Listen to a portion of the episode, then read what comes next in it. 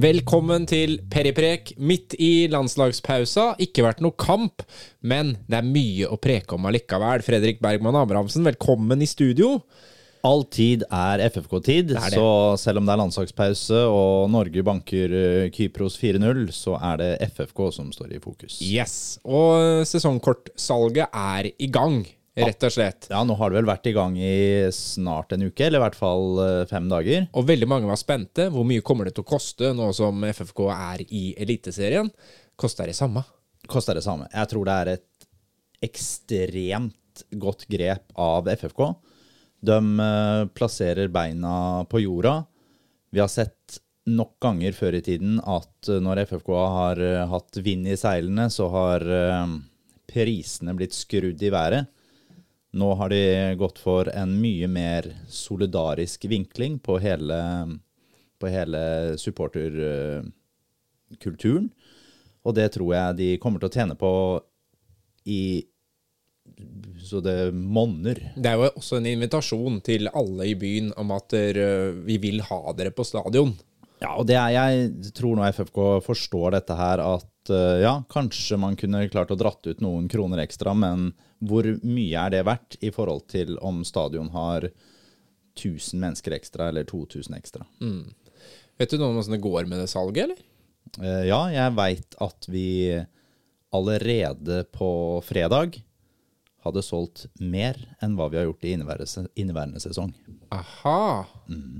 Og det betyr da over 3500-4000? Nei da, det gjør det ikke. Vi hadde vel solgt 2300 eller noe sånt. 2300, Ja, det er noe sånt, tror jeg.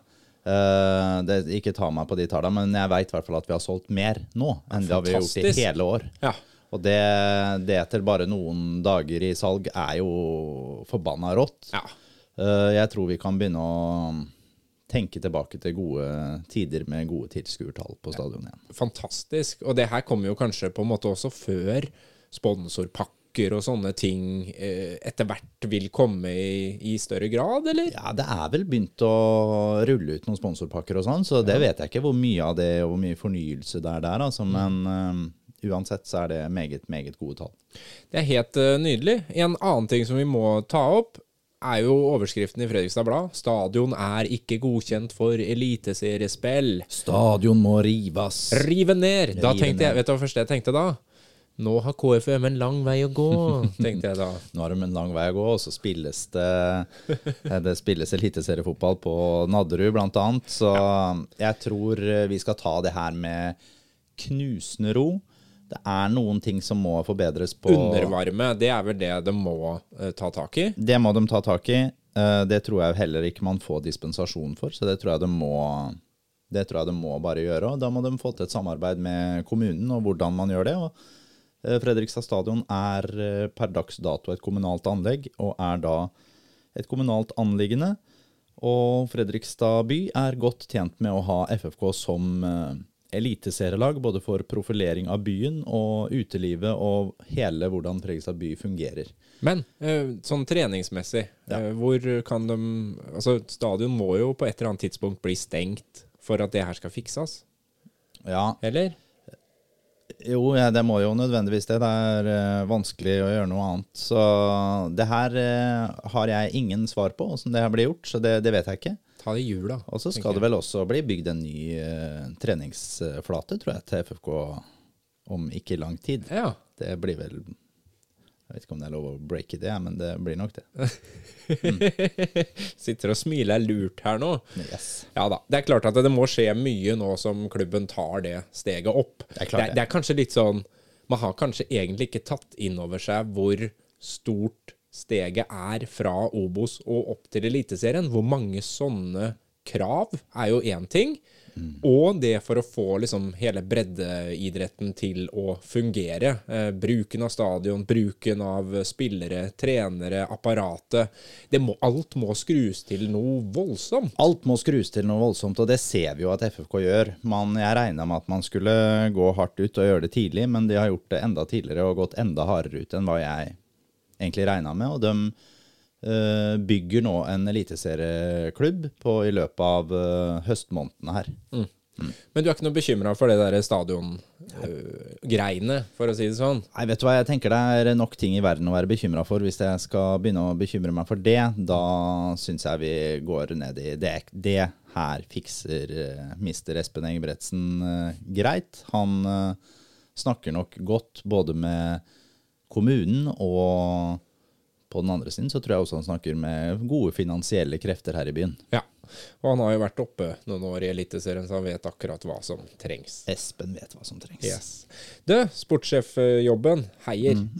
Eh, han har også vært ute og sagt at nå har han en enorm jobb foran seg, eller klubben har en enorm eh, jobb eh, foran seg. Ja, nå, Joakim er jo ikke Nå tar jo han grep med sin stilling òg, og på en måte man deler opp sportssjefstillingen. Nå skal jo Joakim bare jobbe Han har jo jobba bare med sport, men nå skal han jobbe tilnærmet kun opp mot spillemarked og spillerstall og utviklingen av den.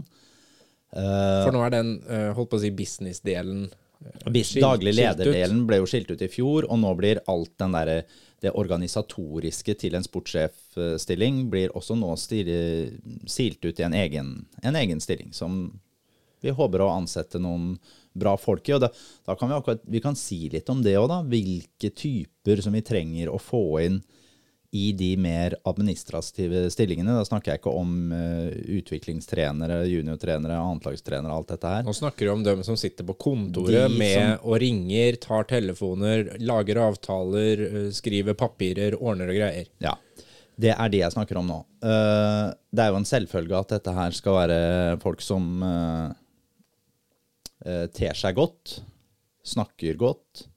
Eh, vi skal ikke ha folk i eh, caps og som drikker Monster. Eh, det sier seg sjøl. Det skal vi heller ikke ha inn på trenersida, så det, det tipper jeg er, eh, er godt underveis i den planleggingen. Og så tror jeg det er innmari viktig at de som kommer inn på kontor nå, også har en skal vi si det litt sånn platt, da, en jovial side. Det er kjempeviktig at FFK nå som klubb, selv om vi går opp, selv om vi nå skal eh, drikke vin med de store, så må vi beholde jovialiteten, folkeligheten, åpenheten. Vi må ta vare på kulturbæreren i klubben. Vi må ikke bli større enn hva klubben er tjent med. Forstår du hva jeg mener da? Jeg skjønner hva du mener. Det er noe med det å vokse oss kjempedigre. Kanskje vi skal ha 90-tallets RBK i bakhodet. Der det var en jovialitet på brakka hele veien, selv om du spilte hjemmekamper mot Real Madrid. Ja. Uh, og det er ikke sånn at vi nå er på nivå at vi skal ut i Champions League, selv om SA-podden uh, mener at vi tror det. Vi tror ikke det. Men Fredrikstad bygger nå for å bli et stabilt, godt eliteserielag som skal slå godt fra seg, bedre og bedre hvert år, og så får vi se hvor det ender hen. Men det som er viktig da, er at ikke vi blir for hvitsnippete på kontoret, og det er innmari, innmari viktig. Espen Engebretsen er jo verdens beste eksempel på en uh, Cal som er ekstremt dyktig i sin jobb, men samtidig er verdens mest folkelige, joviale, pratsomme, fine fyr, ikke sant? Og det er det som er Det er hele clouet, da. Det at uh, Espen Østerhaug uh, ser ut som han kommer rett ut fra BI uh, med toppkarakterer, men samtidig er en utrolig jovial, trivelig gubbe.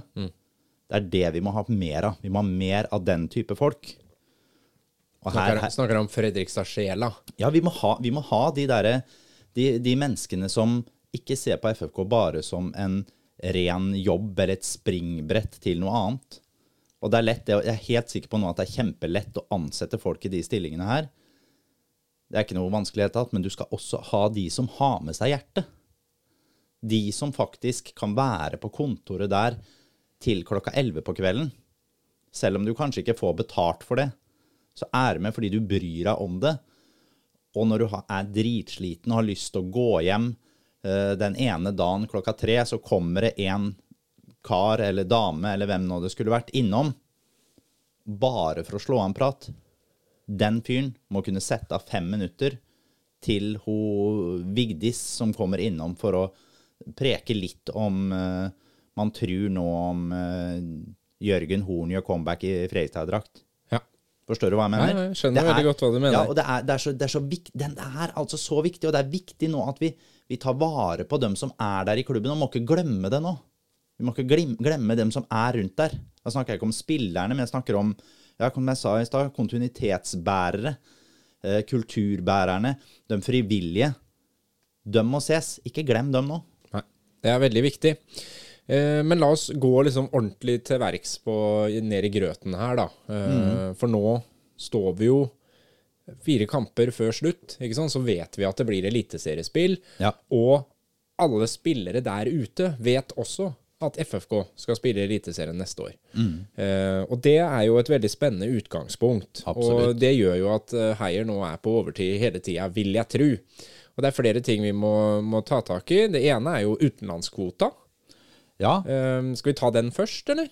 Ja, vi kan godt starte egentlig med Hvis vi liksom tenker eh, hvilken jobb Joakim Heier har nå, for det er nå man skal bygge spillerstallen. Det er nå det skjer. Ja, for 2024, den spillerstallen, den, den blir bygd nå. Jeg tror ikke Michael Thomassen er en trener som er noe spesielt interessert i å få inn spillere som skal være bærebjelker i laget i mars. Nei, nei. Han vil at de skal være klare på trening 1. januar. Helt klart. Sikkert eh, klokka sju på morgenen, liksom. Det vil jeg tro. Da skal de stå klare. Da skal den kalkunen ristes ut av kroppen, for å si det sånn. Da skal det ristes ut. Og derfor så må man ta noen avgjørelser nå som er vonde, vanskelige og sikkert kontraktsmessig utfordrende. Ja. Kan jeg si det sånn? Ja, det kan, ja, la oss komme inn på det. Vi, altså, vi vet jo at vi har seks spillere på utgående kontrakt. Det kan Ja, vi jo ta vi kan skal- Skal vi ta dem først? Vi kan begynne der, kanskje. Ja. Eh, vi har jo dem som er på utgående. ja. Uh, Tage Johansen. Yes. Utlånt til Skeid. Mener vi at han er god nok for norsk eliteserie? Nei. Nei. Nei, mener ikke det. Tage, fin fyr, alt dette her. Tror ikke han er god nok. Tror vi må la Tage gå videre. Kanskje Post Nord, en uh, OK-klubb i Post Nord, hadde vært nivået for Tage nå. Og det er jo også for at spilleren skal få utvikle seg videre, få spilletid, få hele pakka. Ja, han, er, han er ikke i nærheten av å holde norsk eliteserienivå nå. Kanskje om noen år. Kanskje han kan komme tilbake da. Men der er vi nå. Ja. Uh, skal vi gå rett på litt sånn som er vanskelig å snakke om, da? Ja, vi må jo det. Håvard Aasheim, Håvard Aasheim. kontrakten går ut. Snart uh, ny rekord for antall kamper i eh, Fredrikstad-drakta. Er vel bare Reidar Lund som er foran? Ja. Du, Jeg- tro, du tror ikke han kommer til å slå den rekorden? Jeg tror ikke det. Jeg tror ikke det. Eh, sånn som ting er nå, så er Håvard ganske langt unna å være et førstevalg. Eh, vi skal forsterke stallen. Da er det rett og slett sånn at det er noen som må ut. Jeg tror dessverre at uh, Håvard ikke får noen ny kontrakt i FFK. Uh, og det er for en lokal profil, så er det selvfølgelig trist og synd. Men hvis FFK skal utvikle seg og bli bedre, som hele tiden må være målet, så tror jeg nå ikke det er veien å gå. Hadde Håvard vært 23-24 år, kanskje, men han blir vel 29 til neste år. Da begynner man å bli litt voksen. Ja, Ricky Alba skåra i landslagsdebuten denne uka. det gjorde han. Gratulerer med det, Ricky. Eh, Gratulerer med det. Tror heller ikke Ricky er, eh, er innafor til å få ny kontrakt. Jeg tror ikke noen av disse her er at det er en helt umulighet for dem å få en ny. Men noen som sagt må ut. Og hvis det ikke skjer noe voldsomt mye annet da, så tror jeg begge de to er ferdig. Og så har du venstrebekkplassen, da, som er en mare. Uh, og det, det går jo rett og slett på at Thomassen mener at Ludde Begby ikke er god nok. Jo, Men Ludde har ett år igjen på kontrakta. Eller har han to? Ja, det er mulig. Ja. Kanskje han har to. Han har i hvert fall eh, kontraktsår igjen. Ja. Ehm, nå har Ludde slitt litt med en skade også, altså den sesongen her, eller sånn på slutten, siste halvdel. Men uh, han har kontrakt. Da er det nødvendigvis sånn at Ludde må stå i den kontrakta si. Det kan ikke forstå noe annet. Han må nå prøve å ta den plassen, ta den spilletid han kan få i Eliteserien. For den sjansen får han ikke igjen. Så han må kjempe og stille start klar i januar og gi banna bein i alle dueller og trøkke på og utvikle seg videre. Og med så på å si, lite spilletid som han har hatt, du tenker ikke at det er noen andre som kan være interessert i Ludde, da? Jo, men det Som har lyst til å hente den Ja, Altså, ja, ja. han kunne jo blitt stjerna på et uh, Obos-lag any day nedover. Ja, men hør her nå. Nå har endelig FFK rykka opp til Eliteserien igjen. Hvis du setter deg i Ludde sine sko nå. Ja. Nå har de endelig rykka opp. Skal Ludde da, han sitter på kontrakt med FFK, skal han da gå til klubbledelsen og si sånn Nei, det er greit, vi kan annullere min kontrakt, for jeg har nå veldig lyst til å spille for Åsane. Nei. Jeg har veldig lyst Nei, til jeg skjønner. Jeg hører hva du sier. blir, jeg hører hva du sier. Ja, det blir jo litt sånn. Jeg tenker at han må benytte den sjansen han har, til å prøve å slå seg inn. Ja. Ja, og det og det er jo si- ingen jeg ønsker mer inn på det laget enn Ludde. Så Det er, ingen, det er ingen av oss som ønsker noen andre mer inn på det laget enn Ludde. Mm. Uh, og da er det rett og slett sånn at uh, vi har en som spiller nå fast på venstrebekken, Stian Stree Molde, som Ja. ikke har kontrakt. Uh, han mener vel vi her i podden at ikke holder eliteserienivå. Helt klart. Han er en OK Obos-spiller. Og det vil vel da si at vi trenger å ha inn en ny som kan spille på venstresiden. Og da er det, tror jeg, ikke plass i stallen til Stian Stree Molde. Og det er jo veldig synd, tror jeg, for treningshverdagen til FFK. For jeg tror Stian er fantastisk å ha på trening, og han er en spiller som aldri gjør en dårlig trening. Men at han skal inn og spille eliteseriefotball hvis vi har ambisjoner i den eliteserien, det er vanskelig for å se. Han har jo fått enorm tillit av Thomassen, da. Har jo blitt på en måte Thomassens eh, valg. Altså nummer én. Eh, Ja, han har valgt han foran Ludde Begby. Ja. Er det mistillit til Ludde Begby da? Eller er det tillit til Ja, Lassen er jo egentlig henta inn for å være høyrebekk. Han er jo egentlig det, Egentlig. men eh, ja.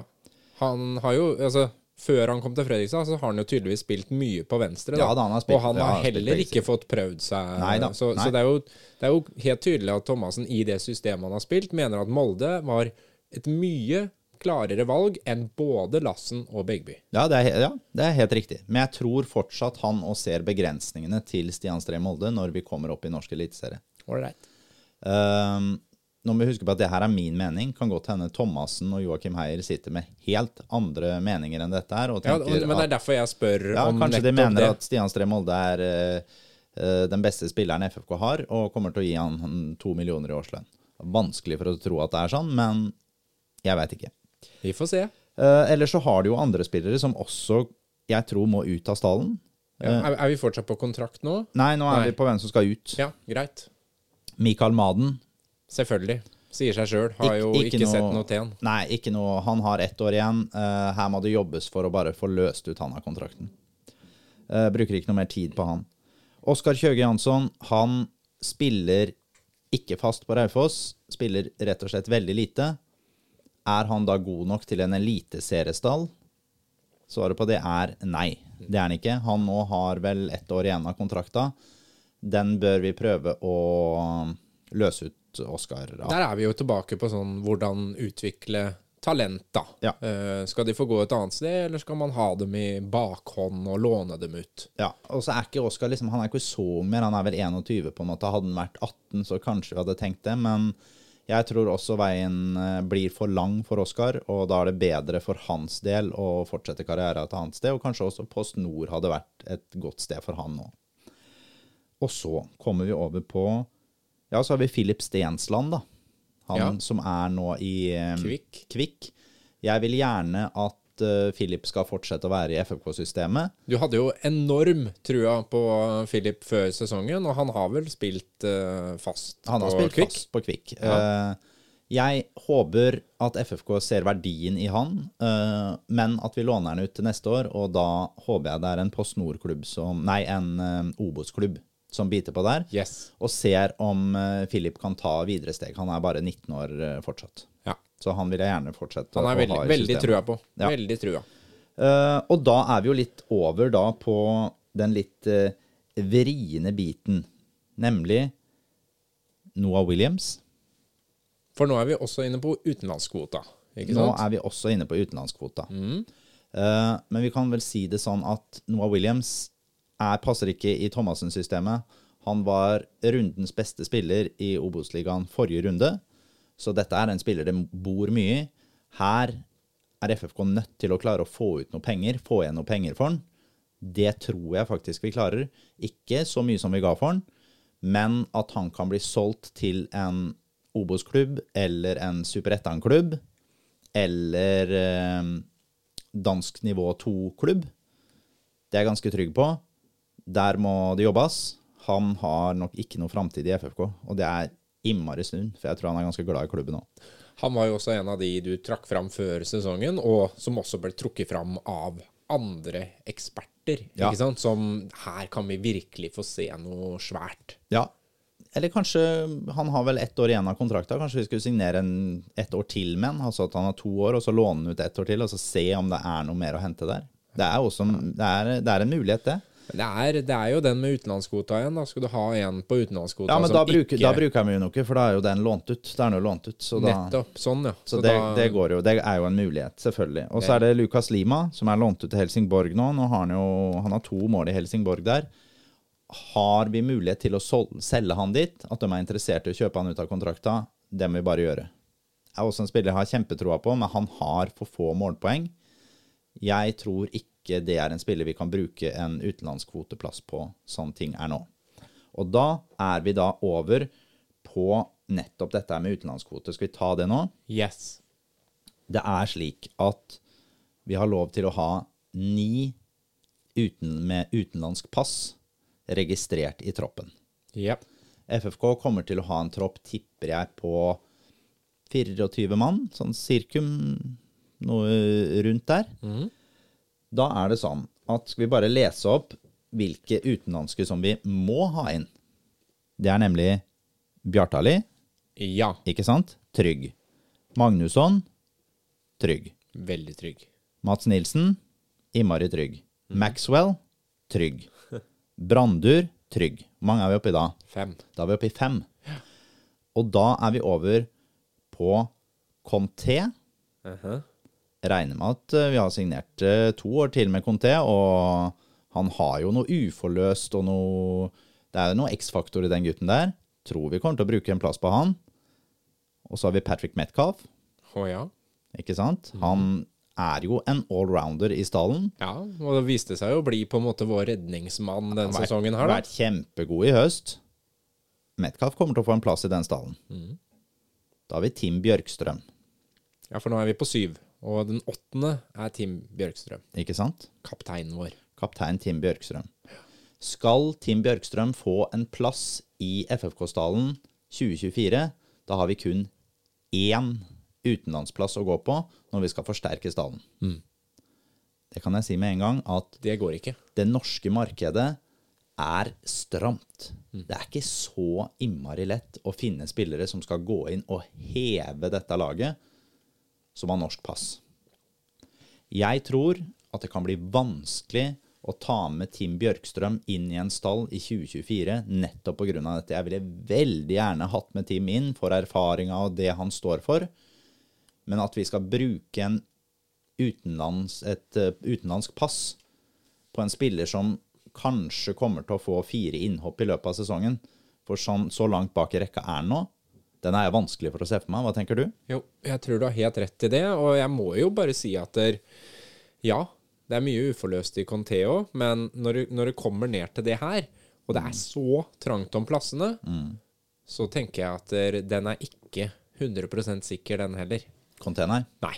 Jeg Fordi det er å ha Altså, det å ha en indreløper backup Mm. uh, til uh, Henriksson Altså Ja, det, er, det her er dette, vi snakker Eliteserien, altså. Ja, er... vi, vi kan ikke ligge nede etter hver duell i Eliteserien. Nei, Det går her, ikke. Nei, og det her er nok Jeg vil tro at dette her er ganske hodebry nå, altså, for både trenerapparat og sportssjef. Uh, og det er jo ikke noe tvil om at hadde Conté hatt, uh, vært norsk, så hadde, hadde han fint hatt en plass, han i den stallen. Men Selvfølgelig. med den der hadde ikke vært helt trygg, altså. Når du setter opp sånn, og det er snakk om uh, at man kanskje har to eller tre plasser som du må ha til Ja. rådighet Ja, og som jeg sier nå, hvis vi tar alle dem da, og Bjørkstrøm hadde fått, at, det er, at vi kun kan da hente Én plass. plass. Nei. det, skje, det, det kan ikke skje. Så Joakim Heier er en god sportssjef, men at han klarer å hoste opp da Ja. bar, bare spillere med norsk pass som skal gå inn og heve lag. Vi må huske på det. Vi skal ikke hente nå, hvis vi skal hente fem spillere, så skal ikke det være fem spillere som skal være nummer 16, 17, 18, 19, 20 i stallen. Noen av de her skal gå inn i elveren. Kanskje i hvert fall tre av dem. Helt klart. For vi, vi, så, vi, vi må være så ærlige. Dette laget er bra. Det er et meget, meget godt Obos-lag. Det er også et lag som jeg tror hadde overlevd i norsk eliteserie, men det er ikke så mye mer. Nei. Og jeg tror målet til Michael Thomassen det er ikke å overleve i norsk eliteserie. Absolutt ikke. Til neste år så tror jeg det er å etablere seg, og så tror jeg Thomassen ikke er fornøyd med noe annet enn før han ser FFK helt mot toppen av tabellen. Jeg tror at Thomassen mener at norsk eliteserie er så svak at her har FFK i dytten alle muligheter i løpet av relativt kort tid til å komme høyt, høyt opp på tabellen. Ja. Og da må man være kynisk, og det er ikke rom for snillisme. Og jeg veit når jeg snakker med folk, og, og de sier til meg sånn Ja, men selvfølgelig så må jo de være med opp, dem som har spilt klubben opp. Altså, mener, mener du det da, at vi ikke vi skal ikke hente inn noe? Jo, så klart vi skal hente inn noe, men de må få være med opp. Da skal vi ha en stall på 35 mann, da? Dette her handler ikke om å være slem eller noe sånt. Dette handler om sånn er fotball. Dette er moderne fotball. Samme om du har spilt 300 kamper for FFK. Du må være god nok, og du må være god nok for det nivået klubben er på nå. Sånn er det bare. Men, men vi kom til åtte eller ni på den utenlandskvotelista. Ja, vi er på, og da er, vi, da er vi i grunnen ferdig, for vi har jo nå tatt bort Noah Williams, og vi har tatt bort Lucas Lima. Ja. Og så er det rett og slett sånn at Lassen har ikke fått spille nok. Jeg, vi kommer ikke til å bruke den kjøpsopsjonen på han. Han kommer til å bli sendt tilbake. Han vi kommer til å bruke kjøpsopsjon på, som jeg nesten er helt sikker på at vi gjør, det er Sigurd Kvile. Den kommer vi til å bruke. Han kommer til å, han kommer til å bli henta av FFK. Ja. Så den er jeg ganske trygg på. Uh, og da er det vel Og da har vi jo også enda en etablert midtstopper, som gjør at Ja, Tim igjen Tim igjen blir frigjort til det. Og så, og så spørs det om kanskje vi da må hente en ungen for å erstatte Tim, da. Ja. For de vil jo ha dobbel dekning, og vil vel da ha seks stoppere. Og hvis Tim forsvinner ut, så er vi jo da nede i fem. Selv om Sigurd Kvile er inne, ikke sant. Yep. Uh, og da er det to spillere igjen som vi ikke har snakka om, som da sitter på ikke kontrakt med FFK neste år. Og det er Håvard Jensen. Bør vi ikke lure på. Håvard Jensen kommer til å få kontrakt. Det kommer til å ordne seg. Den nyheten kommer vi til å få snart, det er jeg helt sikker på. Ok, Vi bør ikke bruke noe mer tid. Nei, nei, vi har snakka masse om Ja. Håvard og Ja, Så det ordner seg. Og da er det Oskar Aga igjen. ja. Har du noen meninger? Om jeg har noen meninger, ja? Ja. Det har jeg. Eh, jeg syns det tok veldig, veldig lang tid før vi så eh, på en måte det som eh, ble lova av Oskar Aga. Jeg syns i de fire siste kampene at han har vist hva han står for. Ja. Jeg tror ikke det er mannen vi skal ha i Eliteserien som spiss. Nei. Han jeg, Altså, helt super til det som er nå. Men jeg tror det er en grunn for at han eh, ikke har fått spilt så mye i Eliteserien. Ja. Det syns jeg er interessant at du sier. Ja. Uh, jeg er både uenig og enig med deg. Ja. Uh, og det er sånn at jeg tror at Oskar Aga er en spiller som har eliteserienivået inne. Men jeg tror samtidig ikke at spissparet vårt i Eliteserien skal være Johannes Bjartali og Oskar Aga. Men jeg mener fortsatt at det kan være plass for Oskar Aga i stallen. ja, sånn, ja. Det vil altså si at han eventuelt er tredjespiss, altså første backup, sånn på papiret, og så kan jo det forandre seg etter fire kamper. Plutselig så kommer du inn og skårer tre mål, og så har du etablert det. Ja. Ja, for, Sånn er det for, ja, Hvis du tenker sånn, så er jeg, da er jeg med på notene. For Ja. da, da tenker vi Bjartali, og så en ny spiss. Absolutt. Og så har vi Aga og Kjelsrud Johansen i backup. Yes. Da er jeg med. Ja. Ja. Og det her, det mener jeg bør Sånn må det være.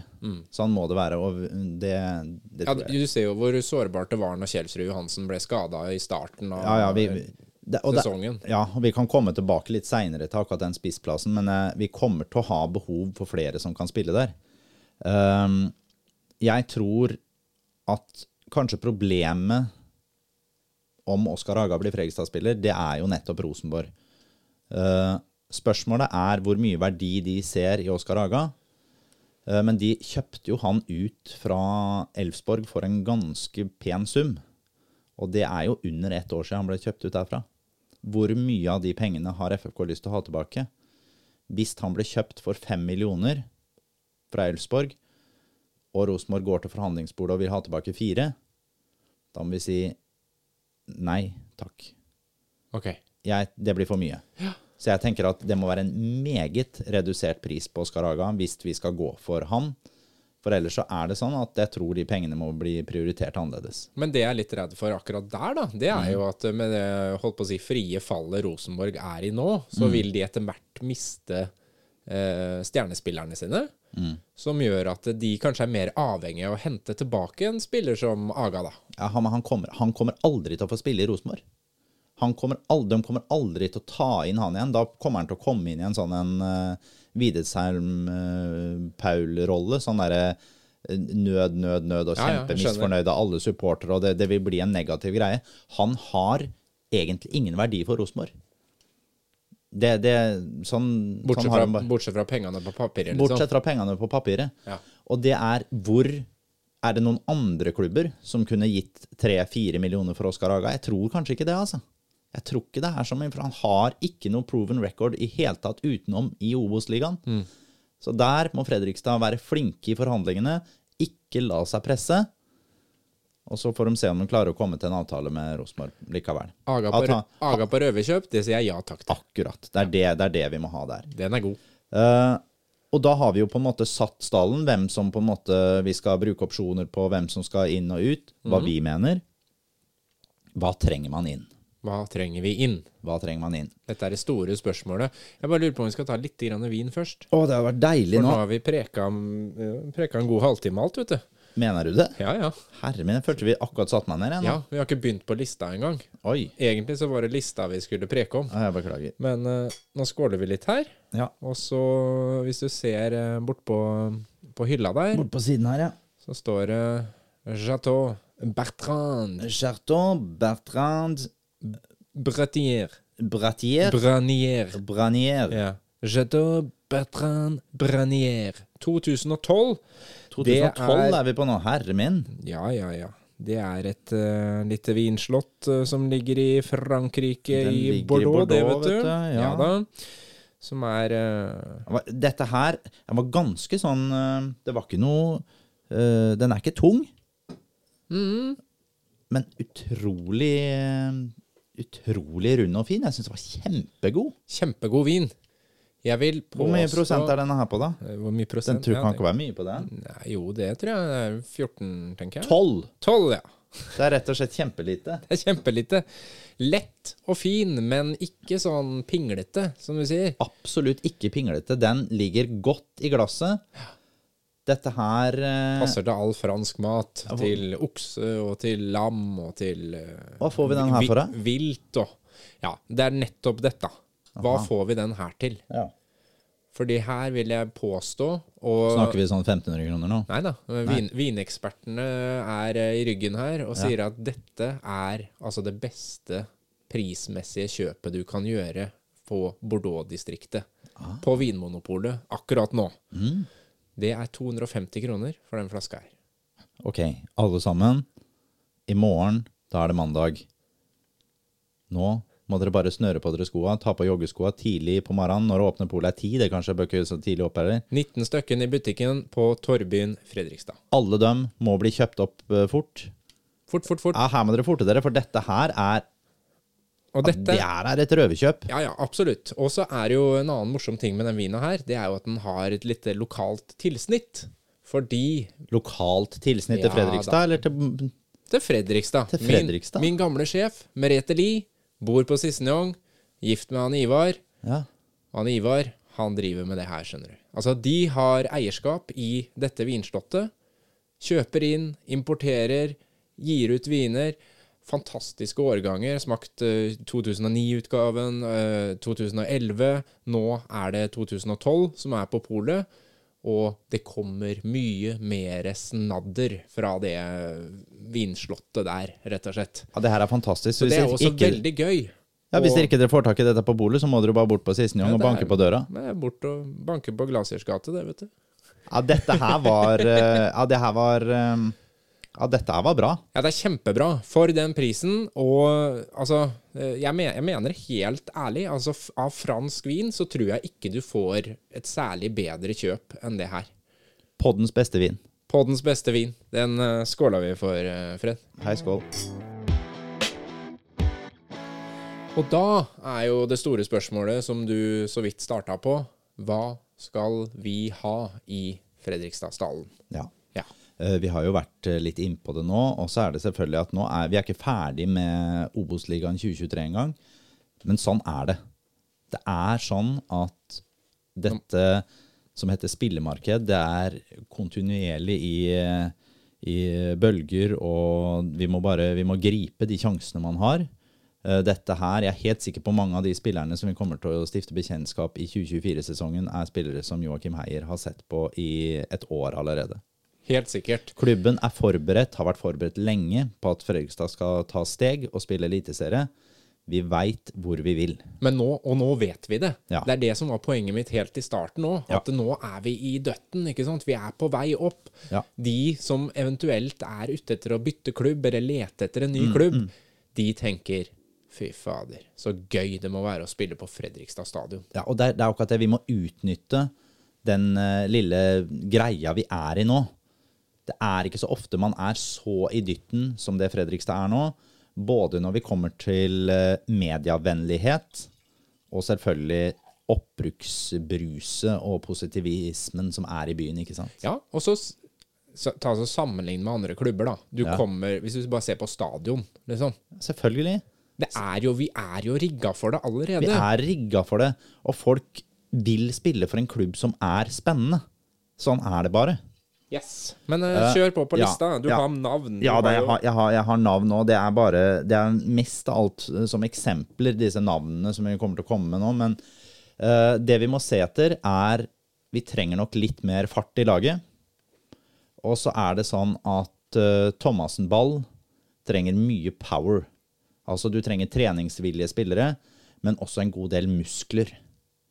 Det er litt sånn at vi skal kjempe motstanderen ut av eh, stilen. Og der har vi jo på en måte fått uh, Sørløk inn i sommer, som på en måte vi så litt av den der. Er ikke verdens beste fotballspiller, men han har masse power i seg.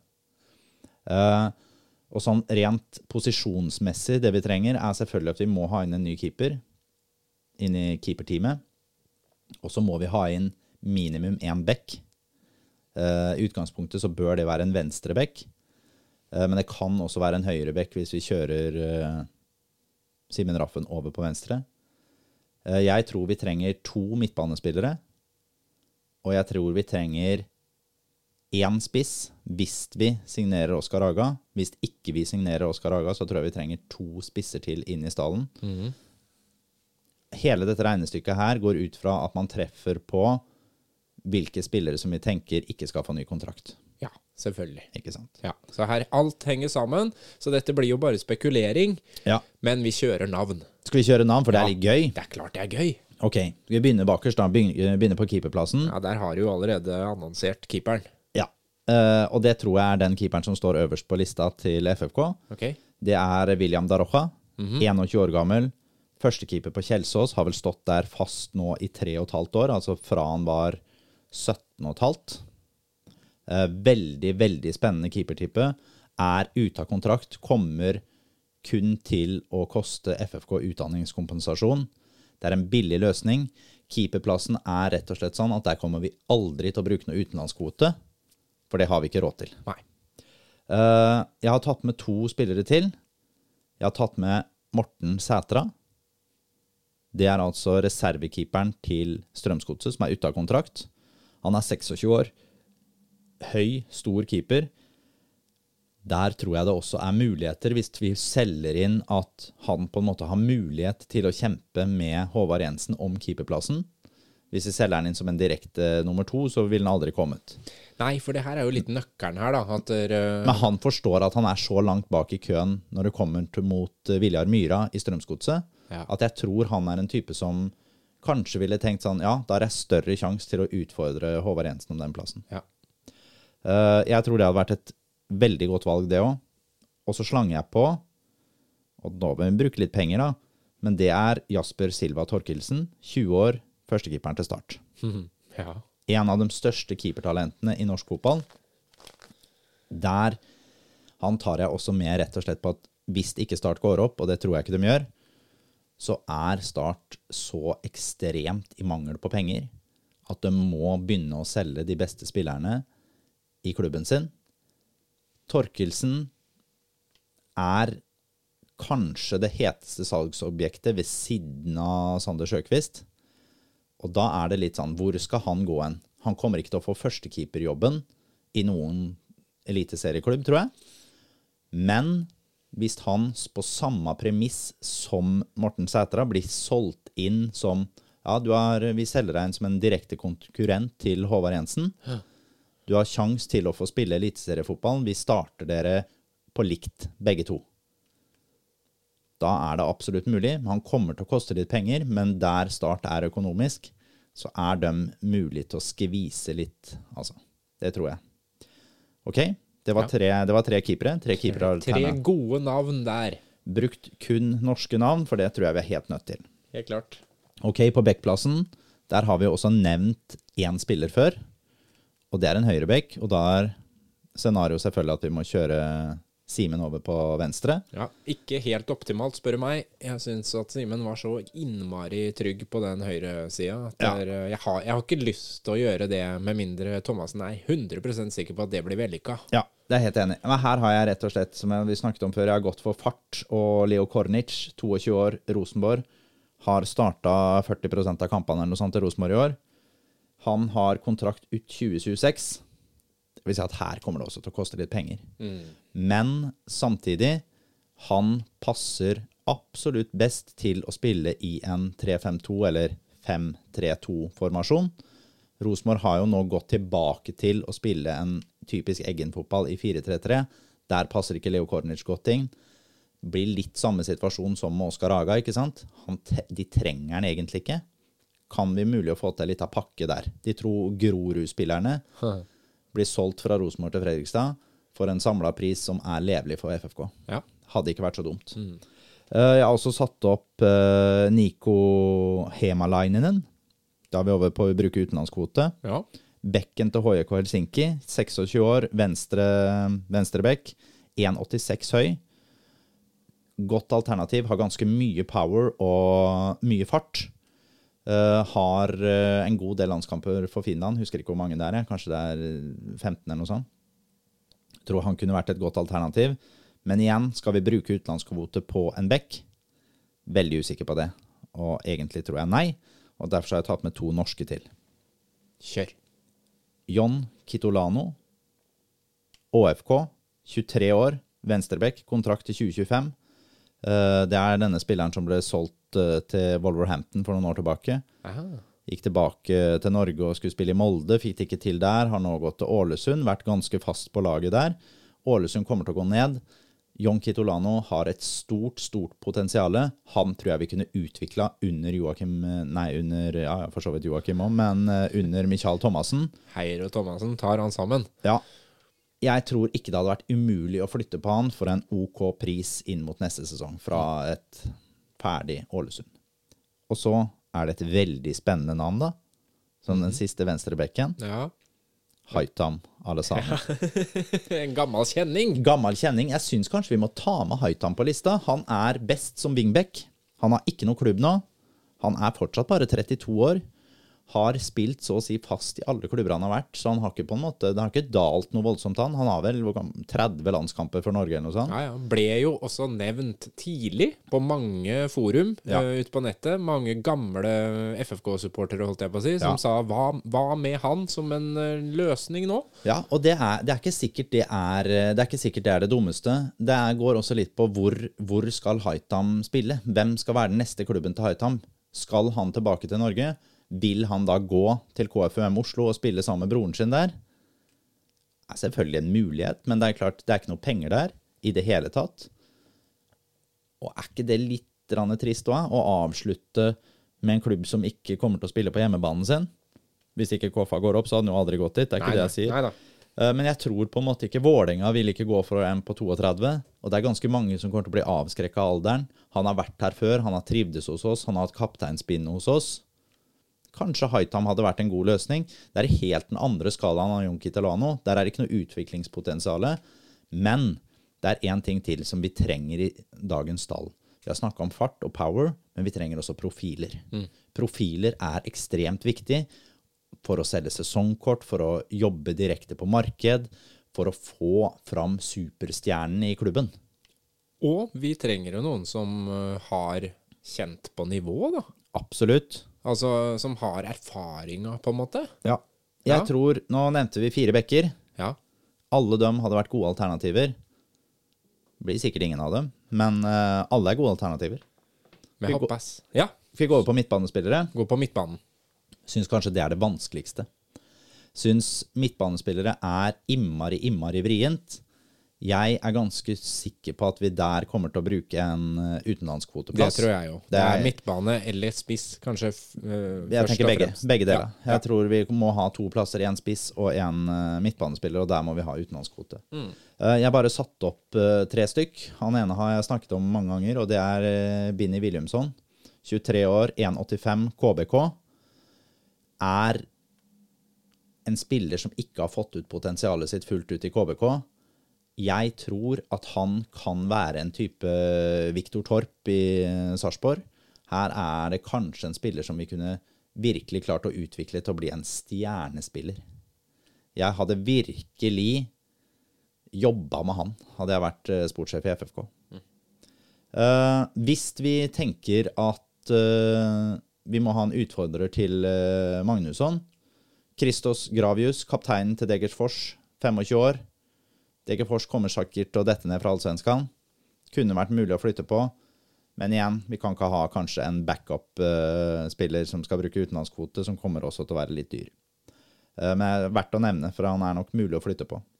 Og så har jeg en grusom, grusom for, for Østfold-fotballen. Men han hadde vært perfekt inn i Thomassen-systemet. Raymond Kvisvik. Ja, det hadde det enda vært så vel. Men da må vi til Sarpsborg 08 Å, fy og faen. hente en av de faste spillerne deres, men han har ikke noe kontrakt. Mikael Mai, eh, Mikkel Maigård, 28 år, gratis fra Sarpsborg. Skulle vi tatt en Øyvind Hoås, en Mikael Røen, en Mikael Trulsen Kanskje vi skulle skulle vi prøvd oss mm. og lokke den med litt, eh, med litt penger, eller hva noe annet vi kan lokke med. Det var jo suksessoppskrifta til Sarpsborg, det å hente spillere som Frøysa trodde var for dårlig for Sarpsborg. Ja, kunne vi tatt, Han spiller jo fast da på Sarpsborg, så det, den er, den er, den er tilnærma helt umulig. Men det har vært en innmari kul greie. Ja, men mener, mener du at uh, Altså, kommer han til å få ny kontrakt, eller? Ja, ja, ja. Han er tilbudt ny kontrakt. Ja, okay. Han har ikke signert, bare. Ah. Men han, har- han er tilbudt kontrakt, men han håper vel på et lite utenlandseventyr. Men kanskje, kanskje litt nedover Glomma hadde vært eh, bedre for han enn veldig langt. det har vært gøy, da. Men eh, helt seriøst, Binni Wilhelmsson, det er mannen jeg hadde gått for. Binni Williamson. Ja. Den er god. Ok, da er vi på spisen, da. Ja. Nå er jeg spent. Ja. Uh, Kjempevanskelig plass. Kjempe, kjempevanskelig plass. Jeg har tre alternativer som jeg har satt opp på min liste. Skal du høre dem? Ja takk. Det er én nordmann. Skal vi ta han først? Ja. Sigurd Haugen. Ja vel. Sigurd Haugen, AGF i Danmark. Spiller ikke fast der. Er lånt ut til Nach Breda, nivå 2 i Belgia. Han ble jo solgt for en veldig høy sum til Danmark for uh, hvor lenge siden er det nå? Er to år siden, eller noe sånt? Veldig høy sum. Sånn sett så tror jeg det blir vanskelig å flytte på han. Passer nok innmari godt inn i et uh, Thomassen-system. Er en spiller som har potensial til å skåre mye mål. Der er det nok økonomi eventuelt som stopper oss, men han er et godt alternativ. Mm. For det er egentlig det viktigste for meg nå, at det er litt målgaranti, hvis Ja. du skjønner. At Ja, vi ikke det- tar en ny sjanse som er sånn Ja, ja, han har kjempepotensial. Han Ja. kan jo, kunne jo skåra. Ja, det, For der føler jeg vi har vært uh, lenge, altså. ja, det, og da skal jeg nevne han uh, neste på lista her, og han er kanskje litt i den kategorien, men ja, kanskje ikke òg. Og det er Malik Abubakari, 23 år. Malmö-eiendom. Utlånt til Slovan Bratislava. Han har kontrakt til 2025. Han er helt uh, ute i kulda i, i Malmö. Han er en sånn fysisk monsterspiss. Er ikke enormt høy, men han er i kraftpakke. Ja, det liker jeg. Ja, jeg tror jeg tror det er en spiller som på en måte kunne lykkes godt, og som vi kunne tjent penger på. Uh, og så er det min uh, favoritt som jeg hadde sjekka ut til å hente inn. Og han heter så mye som German Onak... Hvordan sier man det? Onugka. Onugka. Ja, ikke så veldig ung. Han er 27 år. Onugka skårer for FFK! Det har vært deilig. Han er Hva skal vi si? Han har både russisk og nigeriansk pass. Oh, ja. mm. Så da får vi kanskje se det nigerianske passet, da. Han er nok en nigerianer som har eh, spilt fra, i ung alder i, i Russland. Han er 1,93. Han har kontrakt med Veile i Danmark fram til sommeren 2024, altså et halvt år etter at vi starter sesongen. Uh, han tror jeg at det er mulig å klare å flytte på for en normal sum. Altså en spiselig sum for FFK, nettopp pga. at han bare har et halvt år igjen av kontrakta si. Jeg tror han, han, er altså et fysisk monstrum av en mann. Sammen med Bjartali på topp der. Det skulle blitt et meget vanskelig spisspar å møte for motstanderne. Jeg har hatt kjempetrua på det. Uh, og så vi må huske på at Når vi snakker om dette her nå, så kunne man helt sikkert funnet 1000 spillere. Ja, det er akkurat det. Og Poenget kanskje mitt. spesielt på den uh, spissplassen på utenlandskvota, ikke sant? Absolutt. Nå har jeg tatt spillere som er litt typer mm. som passer inn. Som har litt av den, eh, den, poweren i seg, og som kunne passa til å spille sammen med Thomassen, nei, sammen med Bjartali. Nettopp for å, for å gi et eksempel på åssen det er, men også at ting koster penger. Helt klart. Ja. Men noe av styrken til Aga, da, hvis vi skal ta det bare kort, det er jo at han er overalt hele tida, og på den måten skaper mye rom for Bjartali. Han trekker plutselig helt ut på vinga. Det får du kanskje ikke med en sånn kraftspiss. Nei. Han binder kanskje opp to folk, han òg, da.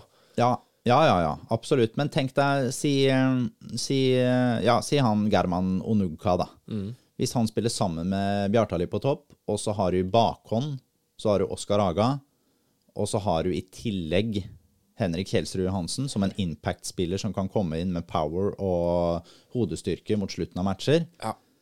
Og så har det jo vært diskutert igjen den siste uka. Tariq Elionussi. Tariq Elionussi. Det blir diskutert igjen. Skal vi ta den der nå? Jeg ser ja, at godt, ja. det er uh, Internett deles i to, som jeg pleier å si. Ja. Det er uh, folk som er uh, kjempeklare for et Tariq-comeback. Mm. Både på banen og eventuelt uh, utafor banen eller i apparatet etter hvert. Mm. Og så er det de som sier at det toget gikk i fjor, og kanskje til og med før det, så bare glem det. Ja. Vi har vel snakka om før at toget har begynt å rulle og det har begynt å rulle raskt. Mm. Uh, Tariq burde hoppa på i vinter. Da valgte han å signere en ny kontrakt. Både du og jeg var veldig skuffa over det. Det var vi. Jeg tenker ut så åssen FFK-sesongen har blitt, så tipper jeg Tariq har, var litt skuffa sjæl òg, at han ikke gjorde det, og ikke fikk vært med på dette her. Og så har du selvfølgelig et sommervindu som vi la bak oss. han kom ikke da heller. Jeg tror at toget har nå fått så høy fart at uh, som 36-åring så tror jeg ikke du når igjen det toget. Kan vi si det sånn? Den spurten skal være ganske god, ja. Den skal være ganske god. Og når det er sagt, så sier jeg ikke nødvendigvis at dette her er en umulighet. Og jeg tror det hadde vært markedsmessig veldig bra for Fredrikstad, både med tanke på salg av sesongkort, uh, medieoppmerksomhet, og at vi hadde fått inn en profil og en ledertype til i gruppa. Og en lokal pokal, ikke sant, som er fra byen, og ja. som eh, ja, står, ja. står, egentlig for alt det vi ønsker at vi skal dyrke fram i FFK. Ja, men jeg tror da, hvis Tariq skulle komme inn, så måtte han komme inn som en pluss én-spiller i stallen. Yes.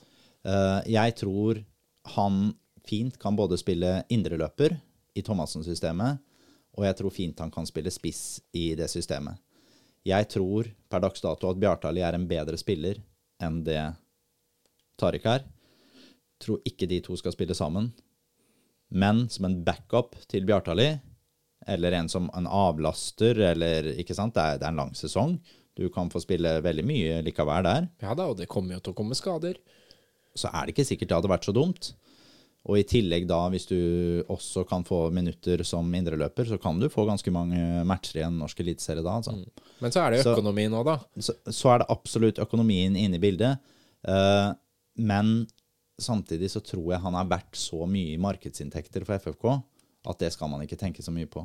Det blir litt det samme som, for å trekke de store linjene, når Ronaldo kommer tilbake til Manchester United, så koster ikke han Manchester United så veldig mye penger. Nei da. Nettopp pga. at han bringer inn så mye medieoppmerksomhet som selger klubben så godt. Ja. Det samme er det for Tariq på vårt nivå.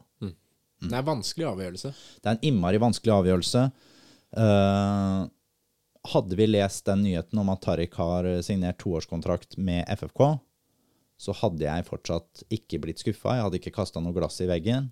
Men jeg hadde heller ikke blitt uh, barnehageglad. Men jeg hadde, jeg hadde tenkt ja, dette er et lurt grep av klubben. Kan Ja. vi si det sånn? Og ikke minst for framtida, da. Det kan jo også være et valg man gjør for å investere i Tariq for videre eh, arbeid i apparatet, for spillerutvikling. Altså, det er som du sier, det, Tariq- føl- det følger ganske mye med her. Absolutt. Tariq Elionussi er verdens fineste fyr. Det må vi ikke glemme. Nei. Eh, du, apropos gamle FFK-spillere. Ja. Fått inn et lite tips eh, hvis jeg nevner navnet Jona Veteli for det. ja. Jona Veteli. Jona Vetli, ja. ja. Har du fått henne tips? Jeg har fått henne tips om at eh, det kan hende at han uh, syns det hadde vært stas å spille på stadion igjen. Ja. Hva tenker du da? Ja.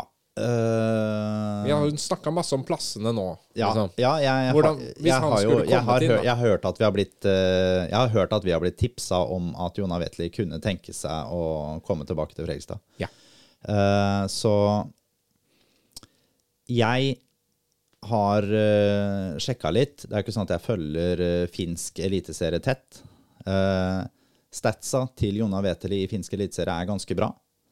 Uh, så det er ikke noe tvil om at en eh, spiller på 28 år som spiller på toppnivå i Finland, helt fint kunne klart å gått inn og gjort en OK jobb i FFK. Spørsmålet er da er han bedre enn Brandur Henriksson? Det tror jeg ikke han er. Er potensialet hans større enn potensialet til Brandur Henriksson? Det tror jeg ikke det er. Er det, er det en spiller som kommer til å utfordre i Sørløk-rollen? Ja, kanskje. Er han bedre enn Sørløk? Vanskelig å si, for Sørløk har fortsatt ikke noe proven record, han heller, på, på toppnivå i Norge. Skal vi bruke utenlandskvote på en spiller som vi ikke er sikre på å gå direkte inn i en elver? Der blir svaret nei. Og da tror jeg ikke Jonna Wæther er aktuell for Fredrikstad nå. Eller, og da er han jo ikke det mer heller, i den alderen han har. Det er jo nå, som 28-åring, han kunne gjort det. Eventuelt som et alternativ til Conté, da. Da snakker vi noe helt annet. Hvis vi tenker at Conté ikke er en spiller som Thomassen har trua på kan ta norsk eliteserienivå, da er det fullt mulig at Jonna Wetli kunne tatt en sann uh, stilling i troppen. Jeg bare ser Henriksson, han har vel fortsatt ikke spilt mer enn 60 minutter, ikke sant? Han er, og det, det må man jo anta at kommer etter hvert, men Ja, og jeg hadde ikke vært noe redd, jeg, for at Jonna Weteli skulle stått i startoppstillingen til FFK i en kamp i Eliteserien. Det det er absolutt ikke. nei. Uh, men sånn som utenlandskvota er nå, så er det vanskelig for å se at det er en mulighet. Kan jeg svare sant på, til eh, både kan- Jonna Wetli og tipseren og resten av gjengen? Absolutt. Um, jeg får meg jo til å tenke på økonomien, det har vi jo snakka litt om. om. Men, hva, men hva, hva tror du, liksom? Hva, hvordan jobber de for finansieringa?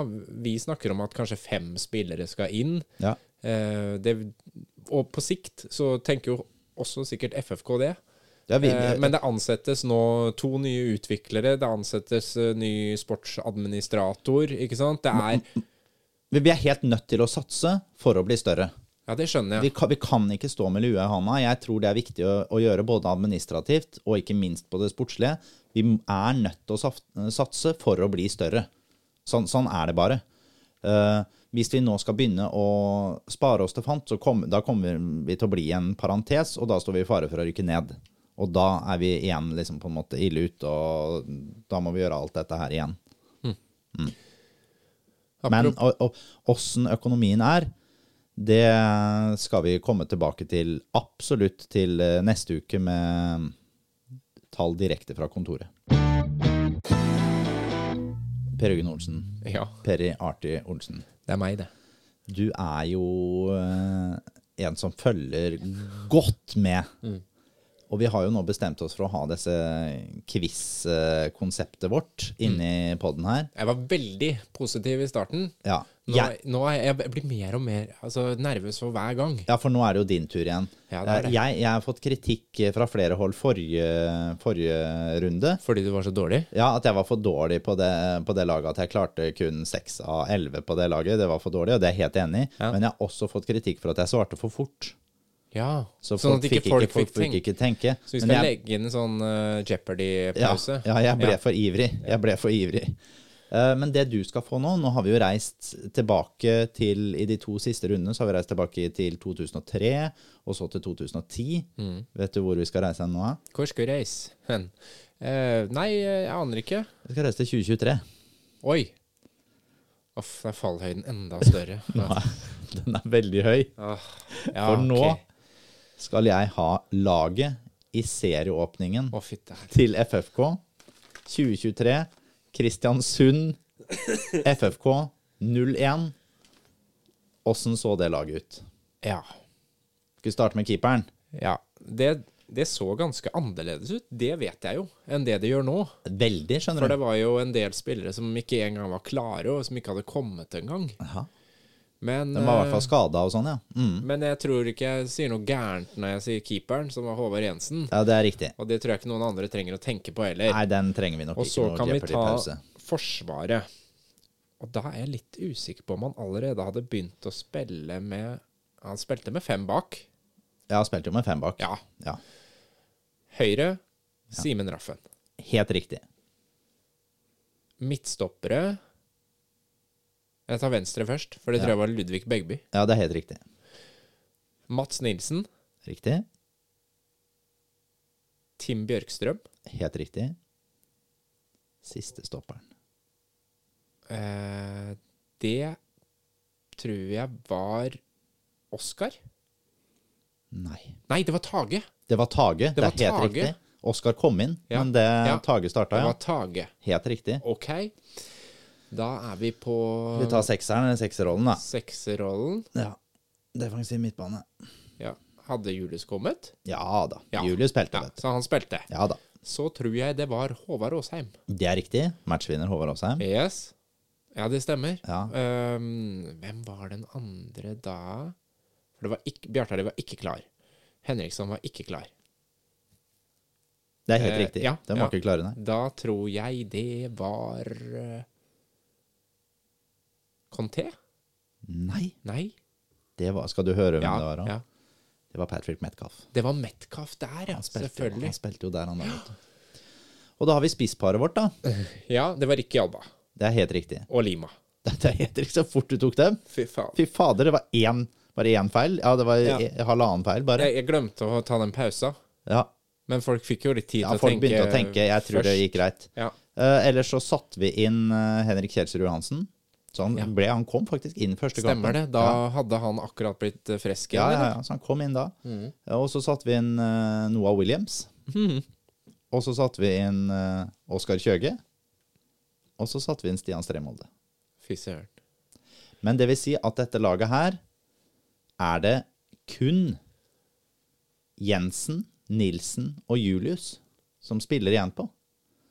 Bjørkstrøm er ute, Tage er ute, Raffen er jo skada. Metcalf ja, han er jo med fortsatt, men han Ja spiller da. jo da på bekken. Men spiller ikke det han spilte. Åsheim får jo ikke spille mer. Begby får jo ikke spille mer. Alba får jo ikke spille mer fra start. Og Lima er utlånt. Ja. Det er et helt annet fotballag som vi spiller med nå, enn det vi startet sesongen med. Og det er Jeg syns det har nesten fått for lite oppmerksomhet, altså. For det er, tenk den drivende utviklingen vi har hatt. Han har bytta ut hele laget, og han har også bytta ut veldig mange spillertyper. Ja, Du, jo, du har jo sagt det veldig mange ganger, dette med systemet til Thomassen. Og det blir vel ganske klart Ja, det er ganske klart. når man ser liksom hvilke, hvilke spillere er de bytta ut med òg. Ja, Og kvaliteten Ja. på de to elverne Ja, ja. Beklager å si det, men det er ganske mye høyere nå, altså. Fy fader, det er klapp på skuldra til alle som har henta spillere. Ja, Altså. det her Fy er søren. Det er blitt gjort en helt sinnssyk jobb. Både det sommervinduet som er gjort, men også vintervinduet og de spillerne som ble på en måte eh, fasa inn i laget der. Og dette er veldig viktig poeng, fordi at når du leser opp det laget der, så tenker man jo Ja, det var ikke så gærent, det. Det syns jeg ikke. Nei, det er ikke så gærent, det laget der, nei. Men når du setter det opp mot det laget vi har nå, Ja, og det er jo det det handler om når vi nå skal opp til neste steg òg, ikke sant? Det er de der vanskelige valga Når man vi, må ta. Ja, når vi satt i, eh, i mars og skulle tippe hvem hvor FFK skulle komme på tabellen Den elveren som vi sitter med her, den er kanskje nummer seks. Syv, kanskje, Rett og slett. i Obos-ligaen i år. Det laget vi sitter med nå, er en soleklar ener. Her har det blitt gjort en meget, meget god jobb, men akkurat som du sier, vi kan få se fortsatt store forandringer inn på neste overgangsvindu. Og for at FFK skal ta videre steg, så trenger man det òg. Det, vi skal møte Sarpsborg neste år.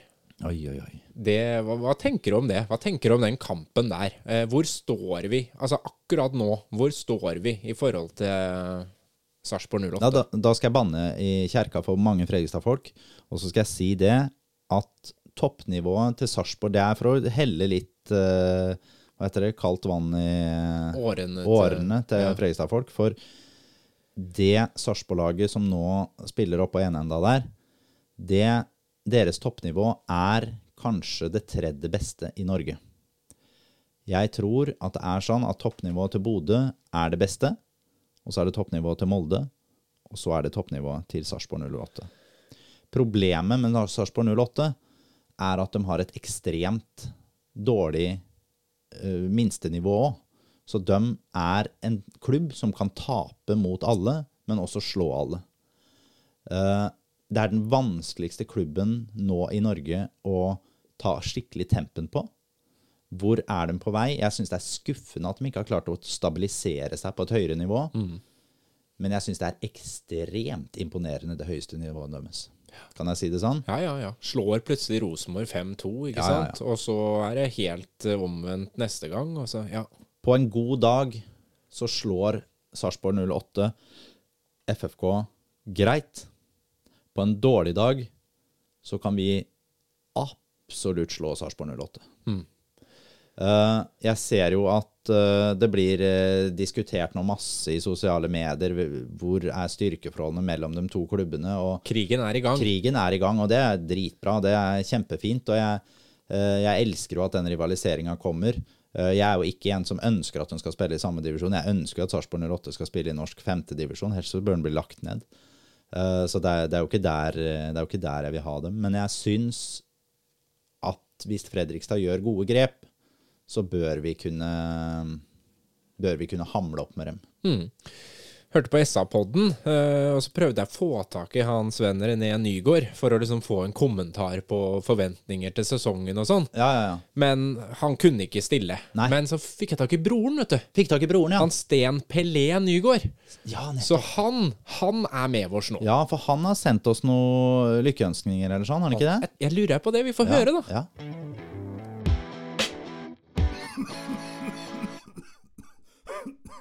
Opprykk til Eliteserien, ja. Ja, det kan bare gå til helvete, det. Jeg skal være så jævla forsiktig, disse guttene nå. For, for de kan bli høye på seg sjøl. Høye og mørke. Vi 08 har årelange tradisjoner, vi. Kom ikke og fortell meg at vi har mindreverdighetskomplekser. Vi er ikke lillebror. Vi har Vi har eksistert sikkert i 10-15 år, vi. Det er ikke som det var før i tida, da, da, da vi spilte, jeg, jeg og en Sven, René. Mm. Da, da var, var fotballspillere helt annerledes. Da spilte vi med ullsokker, da, og vi, vi viste fram hvite, hårete mannfolklegger. Nå, nå så er de solbrente, og de er, de er faen meg barberte fra brystvorten og ned til anklene. De ser ut som polerte selunger, hele gjengen. og i tillegg så skal vi supportere forstå hva de forbanna kommentatorene sier. Vi er oppe i solbyen Sarpsborg. Vi har ikke skjønt en dritt på ti år, vi. De sier sånn som Han ble lurt av underlaget. Da er du passe idiot, eller, hvis du blir lurt av noen gresstuster eller noen jævla plastkuler. Han vet hvor målet står. Det målet har faen meg stått der i alle år. Det er ikke noe bragd. Mål preger kamper, sier de. Hva i helvete skulle de ellers prega? Ball i bakrom. Ball i bakrom, i mellomrom, i returrom. Prøver de å selge en toroms på Greåker nå, eller? Hardt bakfra, komma fra en annen vinkel. Det er griseprek, så han hører til på soverommet. Og apropos på soverommet. Nå kommer de Fredrikstad-guttene til å bli populære på byen igjen. Og da tror jeg faen meg at de skal drite i de vestene som teller løpemeter, og heller få seg en god gammeldags skritteller, hvis dere skjønner hva jeg mener. Det skjønner i hvert fall hans venn René. Lykke til med opprykket, FFK! Dra til helvete! Yes, det var Sten Pelé Nygaard, det, Fredrik. Ja, fin fyr, vet du. Ja, Det ja. er, han Type. og Sven René har, eh, har mye moro bak seg. Ja, ja, ja. Herlige, herlige typer begge to, syns Ja, jeg. absolutt. Helt nydelig. Det, det kommer eh, nye folk inn eh, i FFK-apparatet. Eh, det har jo vært lyst ut stillinger, og den ene er allerede besatt. Jørgen Lecour. Ja. Ja, hva vil du si om han? Ja, ja, hva jeg vil si om han? Han er 34 år. Her går vi rett Eh, på vet- sak. Rett på sak. Revolverjournalistikk. Absolutt. Jeg tror eh, det er en eh, seriøs, hardtarbeidende, fin fyr. Eh, alle jeg har eh, prøvd å snakke med om han, gir han gode skussmål. Så der eh, kan jeg ikke noe, si noe annet enn at jeg tror vi har gjort en god signering. Hva har han gjort før, for eh, de som ikke vet? Ja, Han har jo vært innom Lillestrøm, men han har jo også Han har vel utdannelsen sin, tror jeg Nå tar jeg det fra toppen av huet, men det er vel, han har vel utdanninga fra England, tror jeg. Ja. Uh, og så er det slik at han vel har hatt alle stillinger i Kvikkhalden. Han har jobba med de unge spillerne, han har vært sportssjef, han har vært hovedtrener. Ja. Så det å få inn en som har vært hovedtrener nå på eh, Post Nord-nivå, med ganske gode resultater, som er flink til å jobbe med unge spillere, og er 34 år gammel, altså ung, Du snakka jo sist om at du ville ha folk som er på en måte fornøyd med den jobben de skal ha nå, og Ja. ikke har noe høyere ambisjoner. Det eneste jeg er litt sånn Ja, bekymra med for den her, da. Ja, det å ikke ha høyere ambisjoner, det må man jo ha. Man må ha høyere ambisjoner, men man må ikke være der at man står og tripper etter en hovedtrenerjobb. Sånn, ja. Ikke sant? Det er, for det er en vesentlig forskjell. At man er misfornøyd med å være der man er. Det, og det tror jeg ikke Lacour er. Jeg tror han brenner for utviklingsarbeid. Veldig bra. Eh, Jeg har prøvd å lese det jeg har kommet over av intervjuer og sånn, men jeg syns han virker som en veldig, veldig ryddig og fin fyr. Eh, og da er jo som sagt en av de stillingene besatt, og da er jo et par til som skal inn. Ja, det er det. Jeg har uh, hørt litt rykter, jeg. Ja Rett og slett. Ja. Så øh, jeg kan jo si det. Det syns jeg du skal. Når vi er inne på gamle folk, Ja. gamle FFK-spillere og apparatspillere, Ja. så er det en som heter Jan Tore Opphaug. Jan Tore Opphaug. Vi har jo nevnt den før. Jeg Ja, ja, ja. lanserte den jo som assistent til Thomassen. Vi har jo vært inne på den. Ja, Jan Tore blir jo Han har jo masse forskjellige perioder bak seg i FFK-systemet, både som spiller og assistenttrener og førstelagstrener. Han har det. øh, jeg vet ikke, jeg, altså. Men jeg hadde ikke blitt kjempeoverraska nå om han øh, var den øh, andre stillingen. Nei, jeg tror nok det er gode muligheter for at Jan Tore er på vei inn i klubben igjen. Og det er Det er jo ikke verdens mest sånn spennende, nettopp med at vi kjenner den godt fra før, men det er et solid og godt navn og en bra ansettelse av FFK, hvis det her blir en realitet. Det er en mann som bor på Kråkerøy, han har utdanningen i orden. Han er ryddig. Jeg tror han er ganske innovativ på treningsfeltet. Det håper jeg i hvert fall. Vi trenger ikke flere folk som står og dytter i firkant og tror man blir mye bedre fotballspiller av det. Vi må ha disse trenerne som kan være litt framme i skoa. Jeg håper og tror at Jan Tore Opphaug er det.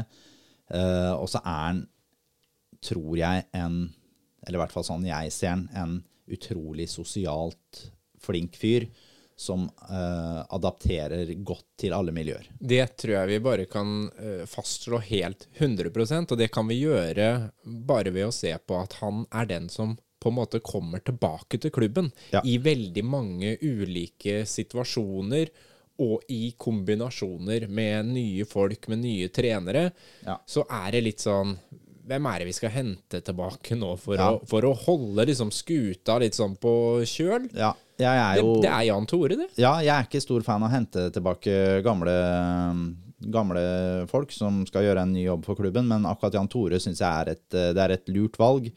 Jeg tror ikke det blir store konflikter med Jan Tore Opphaug. Han er ingen Espen Nystuen eller Vegard Hansen, hvis du tar den. Ja, den, den tar vi. Ja. Eh, og så kjenner han jo Østfold-fotballen og på en måte idrettsmiljøet ekstremt godt, da. Ja, så må vi huske på at det er ikke så innmari lett å få tidligere eh, toppspillere, altså som har såpass mye eliteserieerfaring, til å ta stillinger som å jobbe med juniorspillere, gutt 16, gutt 14. Det, ja, jeg tenker eh, godt valg. Godt valg. Skal vi la det være siste ord eh, for denne gang? Og så um... Hurra meg hei, det syns jeg vi skal. Nå har vi preka lenge. Ja, vi har preka lenge. Jeg er tørr i kjeften som Ja ja, men da kan du få litt mer vin, eh, Fredrik. Og så mm, er det jo kamp eh, på søndagen igjen. Kamp på søndagen. Akkurat en uke til. Ja, vi hadde vel tippa vi resultat sist, gjorde ja vi ikke da, det? vi gjorde det. Så vi bør ikke gjøre det nå. Jeg husker ikke det akkurat nå, men Nei da. tippa seier. Ja, jeg tippa fire igjen. Ja, helt nydelig det. Glimrende. Da sier vi uh, skål, og den som uh, lever, den får se, holdt jeg på å si. Og så håper vi Norge slår Spania. Den begynner om oh, der er der nå. noen få minutter. Yes, da, Yes. da åpner vi en flaske til, Ja, det er så deilig. koser vi oss. Prekas, folkens! Vi prekas!